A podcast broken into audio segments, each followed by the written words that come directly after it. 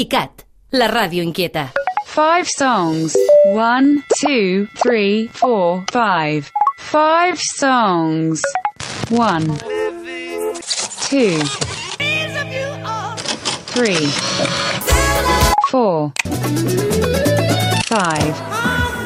Five songs. 5 songs, dos punts. Acció de cantar cançons. Five Songs, programa de ràdio on Blai Mercè es posa les vides dels músics a la recerca de 5 cançons. Des del 2013. Avui, Especial 300. Les cançons més influents de la història.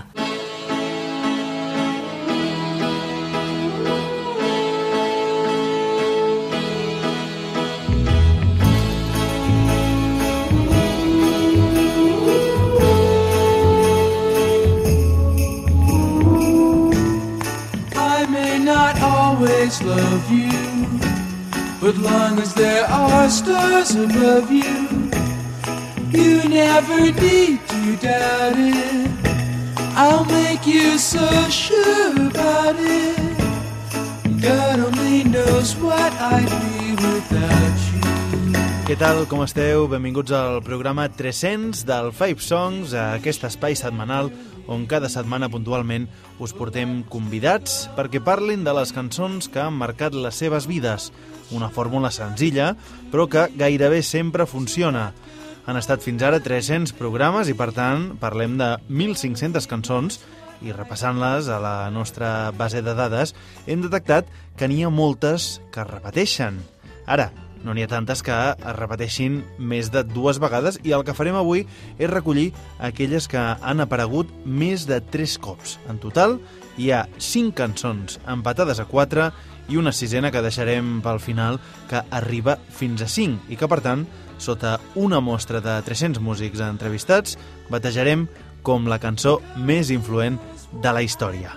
Comencem el programa, ja ho sentiu de fons, amb tot un clàssic. De fet, eh, tot el que sentirem avui són grans clàssics. En aquest cas, un clàssic de The Beach Boys, God Only Knows, que sonava per primera vegada al programa l'any 2014, quan vam convidar David Caravent de Mishima. Um, I l'he triat perquè doncs, els Beach Boys van ser, diguéssim, el meu grup segurament d'adolescència i, i, i d'alguna manera expliquen, expliquen el, el, el, el, meu, el, meu, el meu pas a l'edat de, de, de, de, la consciència, diguéssim, de, en això de la música, pel simple fet que en la pròpia evolució dels Beach Boys hi ha, hi ha aquest component, no? Hi ha, primer són un grup frívol i superficial que canta sobre cotxes i sobre noies de Califòrnia i de sobte doncs, amb, pel contacte doncs, amb les drogues, pel contacte bueno, per, per, per, per, per, per afrontar dimonis personals, eh, el maltractament del pare respecte a aquells, a aquells germans, els germans Wilson, doncs, eh, doncs comencen a, a, diguéssim, a, a investigar sobre, sobre les,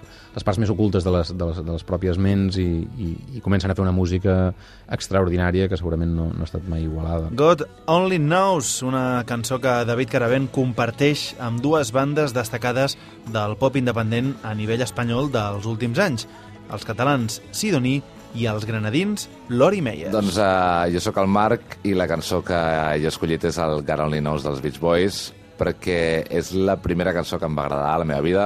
Jo tenia uns 5 anys i la meva mare sempre em recorda quan, quan posaven aquesta cançó i em quedava totalment parat, em quedava hipnotitzat. Em passava amb aquesta i amb el She Loves You dels Beatles versió de Hollywood Bowl i llavors no és que fos un nen eh, excessivament hiperactiu o nerviós, però sí que em donava molta pau i m'ajudava a relaxar-me. I eh, em va passar una cosa molt curiosa, que anys més tard eh, vaig poder veure el seu autor eh, fent aquesta cançó en territori Beatle, llavors tot això ho connectava amb la meva infantesa, que va ser el, el, Liverpool, el Liverpool eh, Emporium, de, és una sala molt, molt famosa de Liverpool, on havien tocat els Beatles, i vaig anar a veure el Brian Wilson tocant l'Smile, però també feia canç altres cançons d'altres discos dels Beach Boys, entre elles la meva cançó favorita, que era el Girl Only Knows. I, i això no s'acaba aquí, sinó que després vaig estar esperant a, a la pluja que sortís el Brian Wilson dels Camarinos i en el fred, em sembla que fotien 10 graus sota zero, una, una barbaritat. I jo vaig convèncer els meus amics perquè m'esperessin, s'estaven fotent de fred a punt de morir-se uh, de fred, i uh, vaig esperar el Brian Wilson i quan vaig tenir l'oportunitat de, de parlar amb ell no vaig saber què dir-li. I és, és molt trist uh, no haver-li pogut donar les gràcies i dir-li, Brian, has fet la, la millor cançó del, del món, que és Garolino. que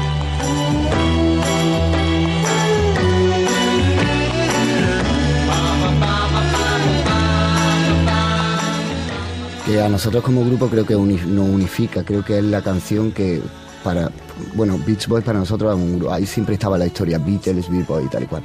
Nosotros cuando empezamos Lori Meyer, nuestra principal movida era como los grupos de los 60, era estar, estábamos siempre cantando tres, siempre con te- terceras armonías vocales y, pues, coño, pues escuchar esa canción y cómo la cantaban, bueno, era increíble. Creo que unifica mucho lo que, lo que era el concepto de Lori Meyer, a lo que aspirábamos, por decir, no aspiramos a unos Beach Boys porque era algo imposible, pero sí era como lo que nos unificaba como banda, lo que decíamos, tío, estos son, esto es, esto es la música, es, es esto en sí. I fins i tot els Beach Boys van sonar el dia que vam dedicar un especial Five Songs a Daniel Johnston, amb motiu de la seva mort. Daniel started listening to the Beach Boys like after En Daniel va començar a escoltar Beach Boys quan li van posar el Pet Sounds. Deia que no l'havia escoltat mai i el van posar just aquella nit. Es va quedar glaçat i va comprar tot el que us pugueu imaginar dels Beach Boys. I may not always love you. Sou en aquest especial Five Songs número 300, on repassem les cançons que més s'han repetit al programa i, per tant, volem pensar que, d'alguna manera, són les més influents de la història. Si aquesta classificació la féssim en artistes, els més escollits són els Beatles. Ja vam dedicar un programa a això i la cançó més repetida dels quatre de Liverpool ha estat Strawberry Fields Forever, compartida per Xavi Lloses i Le Petit Ramon, Ramon Faura, també convidats a la primera època del programa. Xavi Lloses. Sempre he dit, he dit que era dels, el meu tema preferit dels Beatles. A part de lo que la lletra explica i així és i el que significava pel John Lennon, que era una cosa molt maca, i així és que era allà a l'hort dels maduixers on ella anava a jugar de, de petit. Compositivament aquest tema, o sigui, jo quan ho vaig sentir em vaig quedar absolutament desquadrat i és allò que dius, a veure, vaig a treure això de dalt a baix perquè vull saber què està passant aquí, perquè quan tu composes temes hi ha una cosa que se'n diu l'alquímia dels acords, no? per dir d'una manera, i a part, tímbricament, és absolutament també al·lucinant lograr fer amb un quatre pistes la, tota la part percutiva, el mític melotron, que segurament el melotron no seria el que ha arribat a ser o el conegut que s'ha arribat a fer, l'instrument, sense la mítica intro de Strawberry Fields Forever. Let me take you down,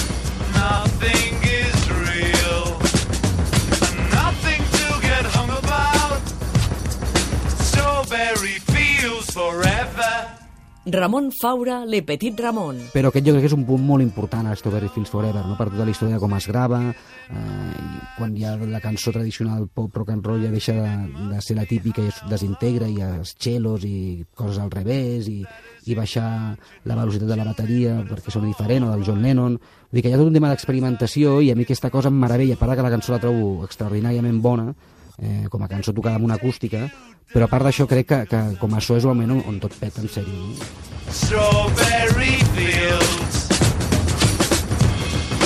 Nothing is real. And nothing to get hung about.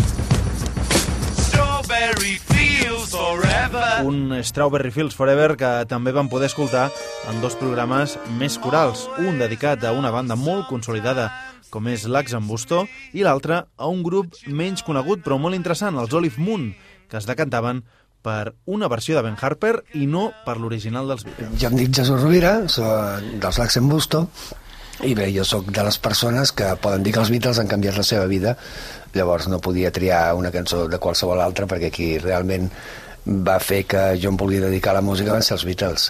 I la cançó que trio, doncs, eh, podria dir qualsevol, en tenen 200 i pico, doncs qualsevol valdria, però ara dic Strawberry Fields Forever perquè considero que és una joia, una meravella del que, del que es pot arribar a fer en un estudi de gravació.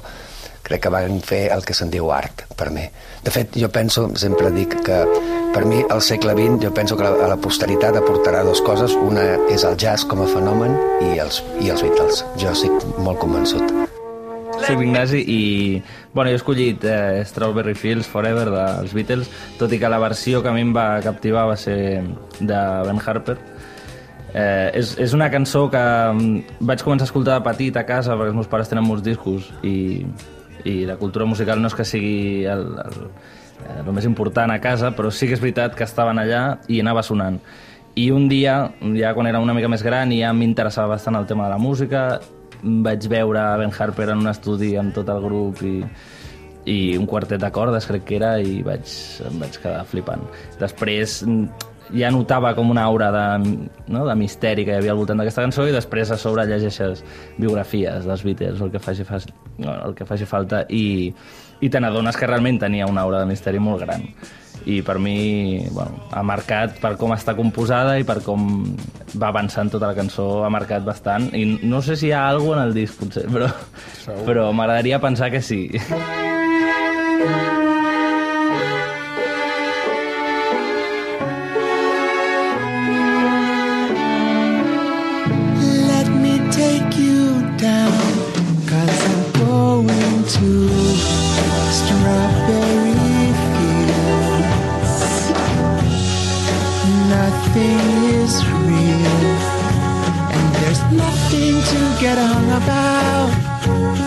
Strawberry fields forever. Living is easy with your eyes closed misunderstanding all you see. It's getting hard to be someone, but it all works out. It doesn't matter much to me.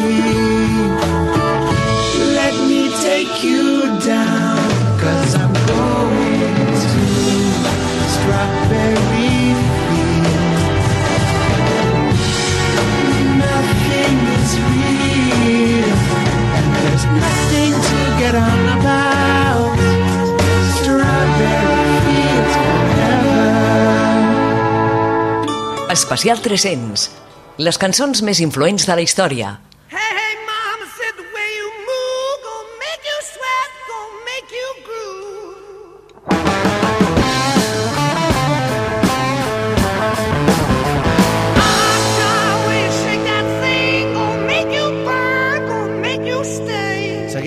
Aquestes coincidències parlant d'una altra banda britànica que van tenir el seu moment àlgid just quan els Beatles se separaven.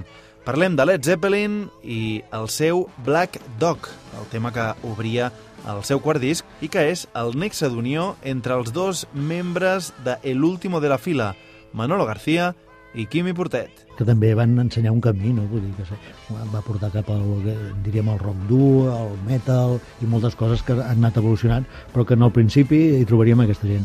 I concretament aquesta cançó eh, potser és un dels riffs de guitarra més inoblidables de la, amb el, per so, pel so i per les notes, no? de la història de la humanitat, el, el, el, el riff de guitarra que fa el Jimmy Page a Black Dog durant tota la cançó.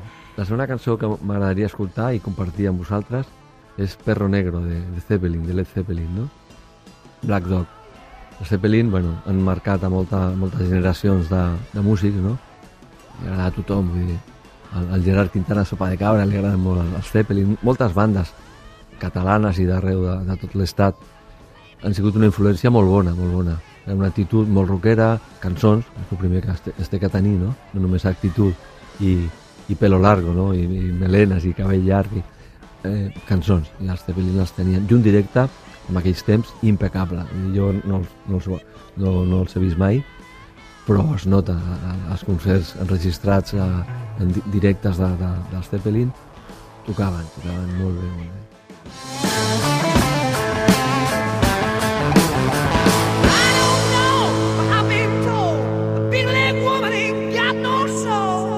Led Zeppelin també ha estat influència important d'artistes de generacions més joves. Us posem dos exemples, els barcelonins Mi Capitán i els londinencs The Vaccines. El meu pare tenia cintes de casset de Led Zeppelin i jo els odiava a la meva... O sigui, dos anys abans, des de que era petit fins, que, fins als 12 anys, el meu pare punxava música seva de la seva època, Hendrix, Doors, Beatles, bla, bla, bla, i d'alguna manera l'únic grup que odiava, fixa't, eh, era Led Zeppelin. Però als 13 anys, o 14, com et deia, anava en cotxe amb ell, que em portava a l'escola, i va posar el quart i comença amb Black Dog. I ja comença una mica... Ja, és, ja passa alguna abans que soni la primera nota, ja passa. Mira, se'm posa la pell de gallina. I va començar el, el, el, la cançó amb la veu del Robert Plant, increïble, anunciant el que venia, i després apareix la banda amb el riff de guitarra i el baix doblant, dient ai, Joe, tot el que passava fins ara no compta. T'ho perdonem i et donem la benvinguda. I a partir d'allà va començar un matrimoni que durarà tota la vida, que és el meu amor per Led Zeppelin i sobretot per Black Dog. Hi, I'm Freddie for the vaccines, and we're choosing. our Ei, torno a ser en Freddy dels. Vaccins. I com aquí trien cinc cançons... Choose. See, Crec que quan es tracta d'escollir cançons significatives a la teva vida, molta gent sol dir les més trendy, les més modernes, però jo, si he de ser honest, el meu so de despertador per anar a l'escola era un reproductor de CD on podies programar el temps. Allò que t'aixecaves per parar el CD, tornaves a dormir, i així successivament. Doncs durant molts anys, cada dia sonava Black Dog.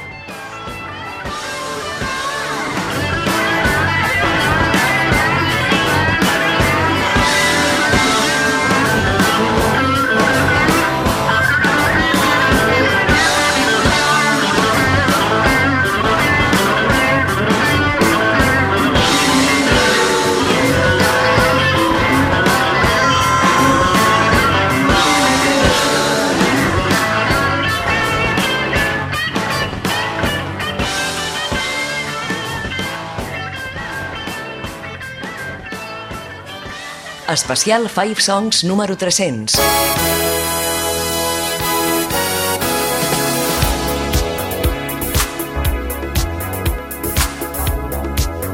Continuem en aquest especial Five Songs, 5 songs, dedicat a les cançons més influents de la història.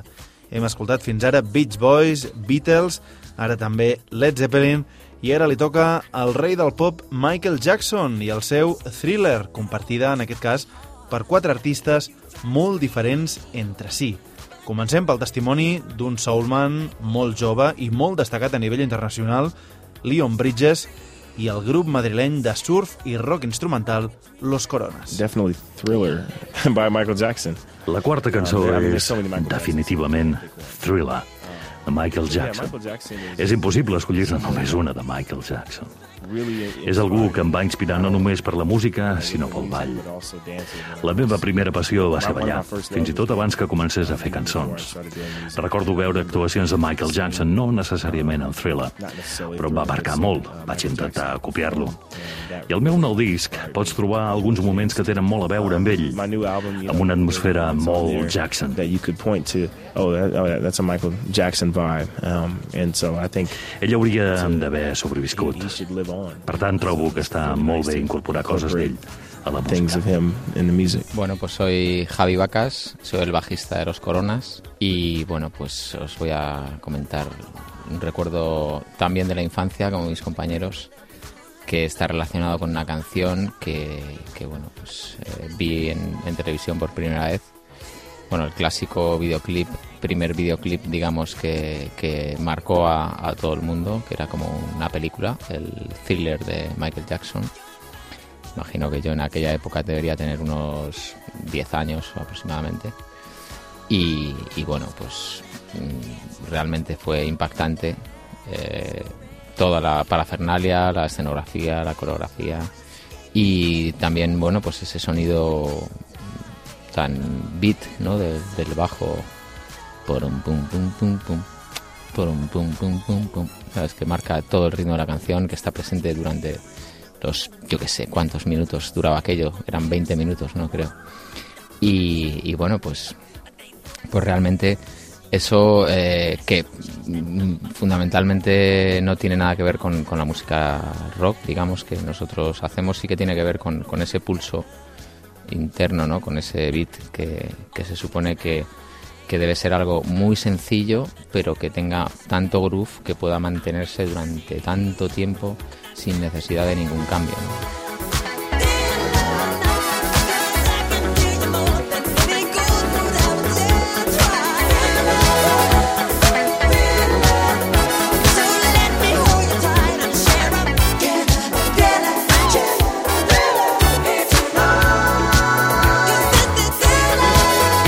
Thriller també és una cançó que alguns artistes molt propers al món del flamenc o la rumba van viure apassionadament quan va sortir en el seu moment.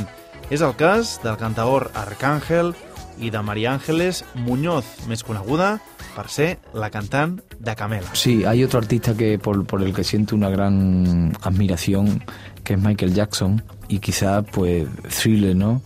Es una de esas canciones que, que se te quedan en la mente. Además, bueno, también era el, el momento de esos videoclips y, y, desde luego ese no tenía desperdicio, ¿no?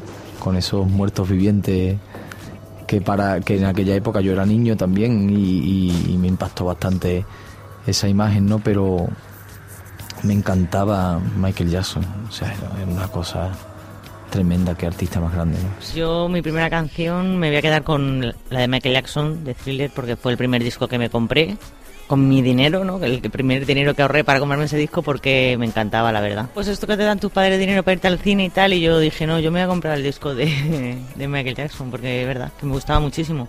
Y entonces en, era en cassette cuando me lo cogí. Y cuando íbamos a la piscina con las amigas y todo, pues yo con mi cassette, ahí me lo llevaba siempre para, para poder oírlo.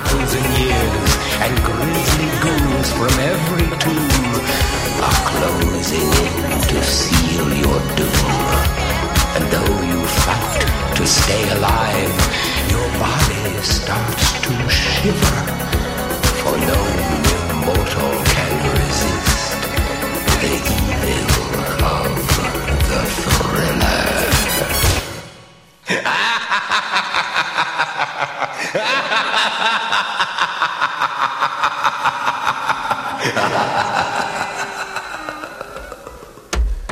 ja que he tret la pota al món del flamenc, encara que sigui amb Michael Jackson com a excusa, toca presentar la cançó espanyola que més vegades ha sonat al Five Songs.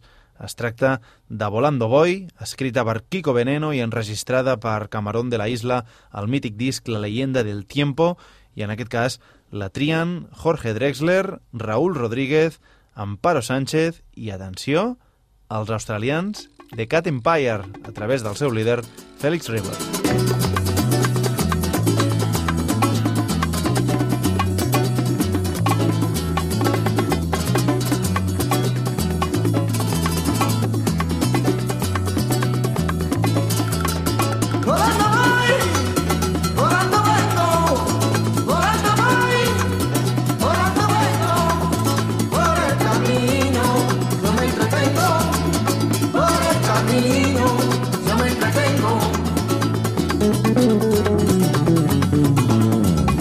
Yo no escuché la versión original cuando, cuando salió, digamos, no, no estaba aquí viviendo cuando la cantó Camarón. La conocí mucho tiempo después. Esta realmente no sé cuándo la conocí.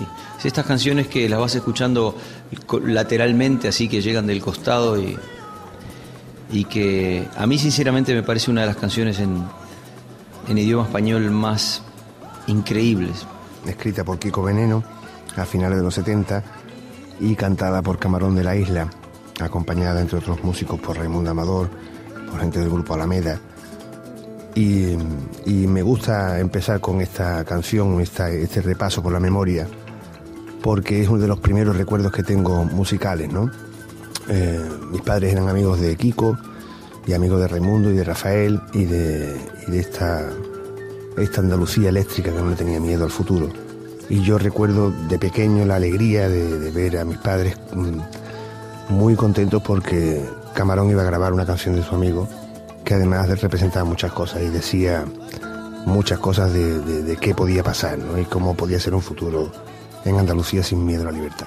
porque, porque bueno, mm, Camarón sin duda dentro de los flamencos para mí pues sigue, sigue siendo el más grande, aunque actualmente también admiro muchísimo a Miguel Poveda, pero, pero Camarón es de mis clásicos, de mis clásicos.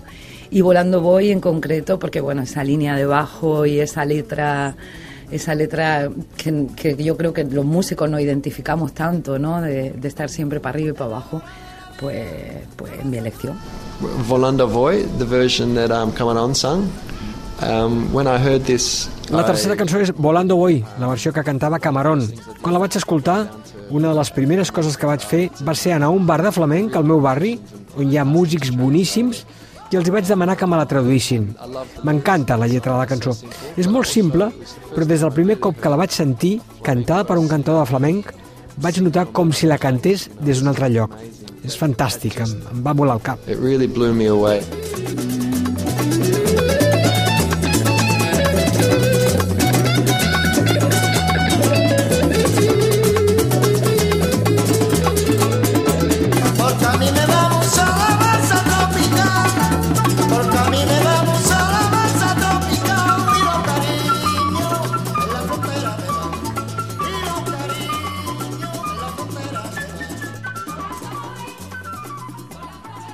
Especial Five Songs número 300. Les cançons que més han sonat al programa.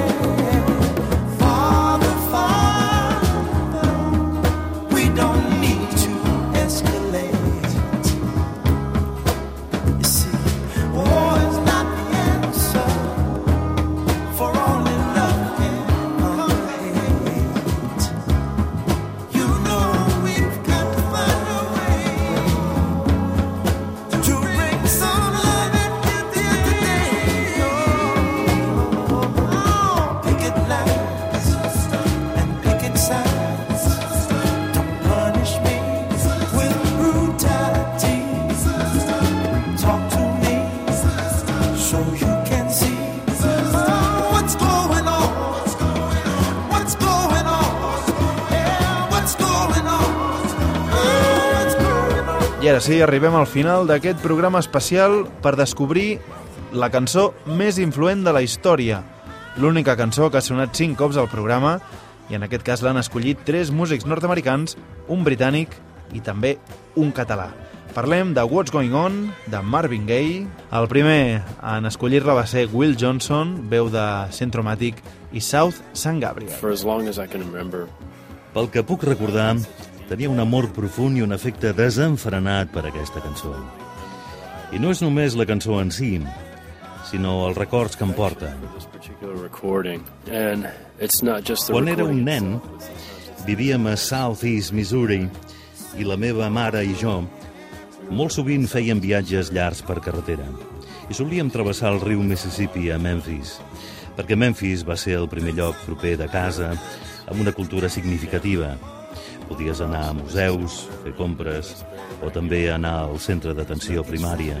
Però també Memphis, als 70, tenia una ràdio brutal i posaven música increïble. I ara passem a dos cantants de soul que podríem qualificar com a headliners o caps de cartell de la història del Five Songs. Ens referim a Michael Kiwanuka i Gregory Porter. Un altre cop, l'emoció i les cordes, el to de la seva veu, la lletra... Cantava sobre el món. Té una melodia que s'enganxa molt, però hi ha molt de significat al darrere. Marvin Gaye's What's Going On is another important one for me. És una poderosa cançó protesta. Està preguntant al públic, els hi demana que aprofundeixin una mica més en el pensament. protest and question. He's questioning the audience again, you know, asking them to think deeper uh, which is, you know, which is the charge of I això el converteix en alguna cosa millor que només un músic. Això porta el músic a una posició de pensador, missatger, predicador, filòsof, profeta, potser... I Marvin Gaye va ser totes aquestes coses. prophet. and, and Marvin Gaye was all of those things. I acabarem, sense deixar de sentir el What's Going On, amb el cantautor de Nashville, afincat a València, Josh Rose, amic, per cert, de l'altre que l'ha triat, Raúl Fernández Refri. Aquesta és una cançó, i el disc complet va ser una gran influència per a mi quan m'estava convertint en un autor de cançons i em començava a fixar en el groove i coses així, especialment amb el baixista James Jamerson. uh, grooves and things like that, especially the bass player James Jamerson. Aquestes línies de baix han estat unes influències molt importants en la meva manera d'escriure cançons. Songwriting. Vaig descobrir molta música amb Rock Deluxe, però una de les cançons, la cançó que escolliré, la coneixia, l'havia escoltat òbviament abans, però no havia entès l'envergadura fins que vaig llegir eh, els escrits sobre ella a la revista. Escollo What's Going On de Marvin Gaye, primer perquè és una cançó espectacular, perquè té un significat molt actual d'alguna manera, i també perquè vaig tenir l'experiència de tocar-la en directe en el concert Rock Deluxe Experience, que va fer la revista pel número 200 i que vaig tenir la sort de participar. I fins aquí aquest programa especial 305 Songs. Ha estat un plaer compartir aquesta llista amb vosaltres. La podríem continuar amb les cançons que han estat triades tres vegades, com per exemple Alfonsina i el mar, cantada per Mercedes Sosa, Redemption Song de Bob Marley, Like a Rolling Stone de Bob Dylan o Smells Like a Teen Spirit de Nirvana. Però això ho deixarem per un altre dia. Potser quan en fem 400 o quan en fem 500 o vés a saber. En fi, tornem la setmana vinent en el format habitual i, com sempre, amb més cançons i més convidats. Que vagi bé, una abraçada. Right on.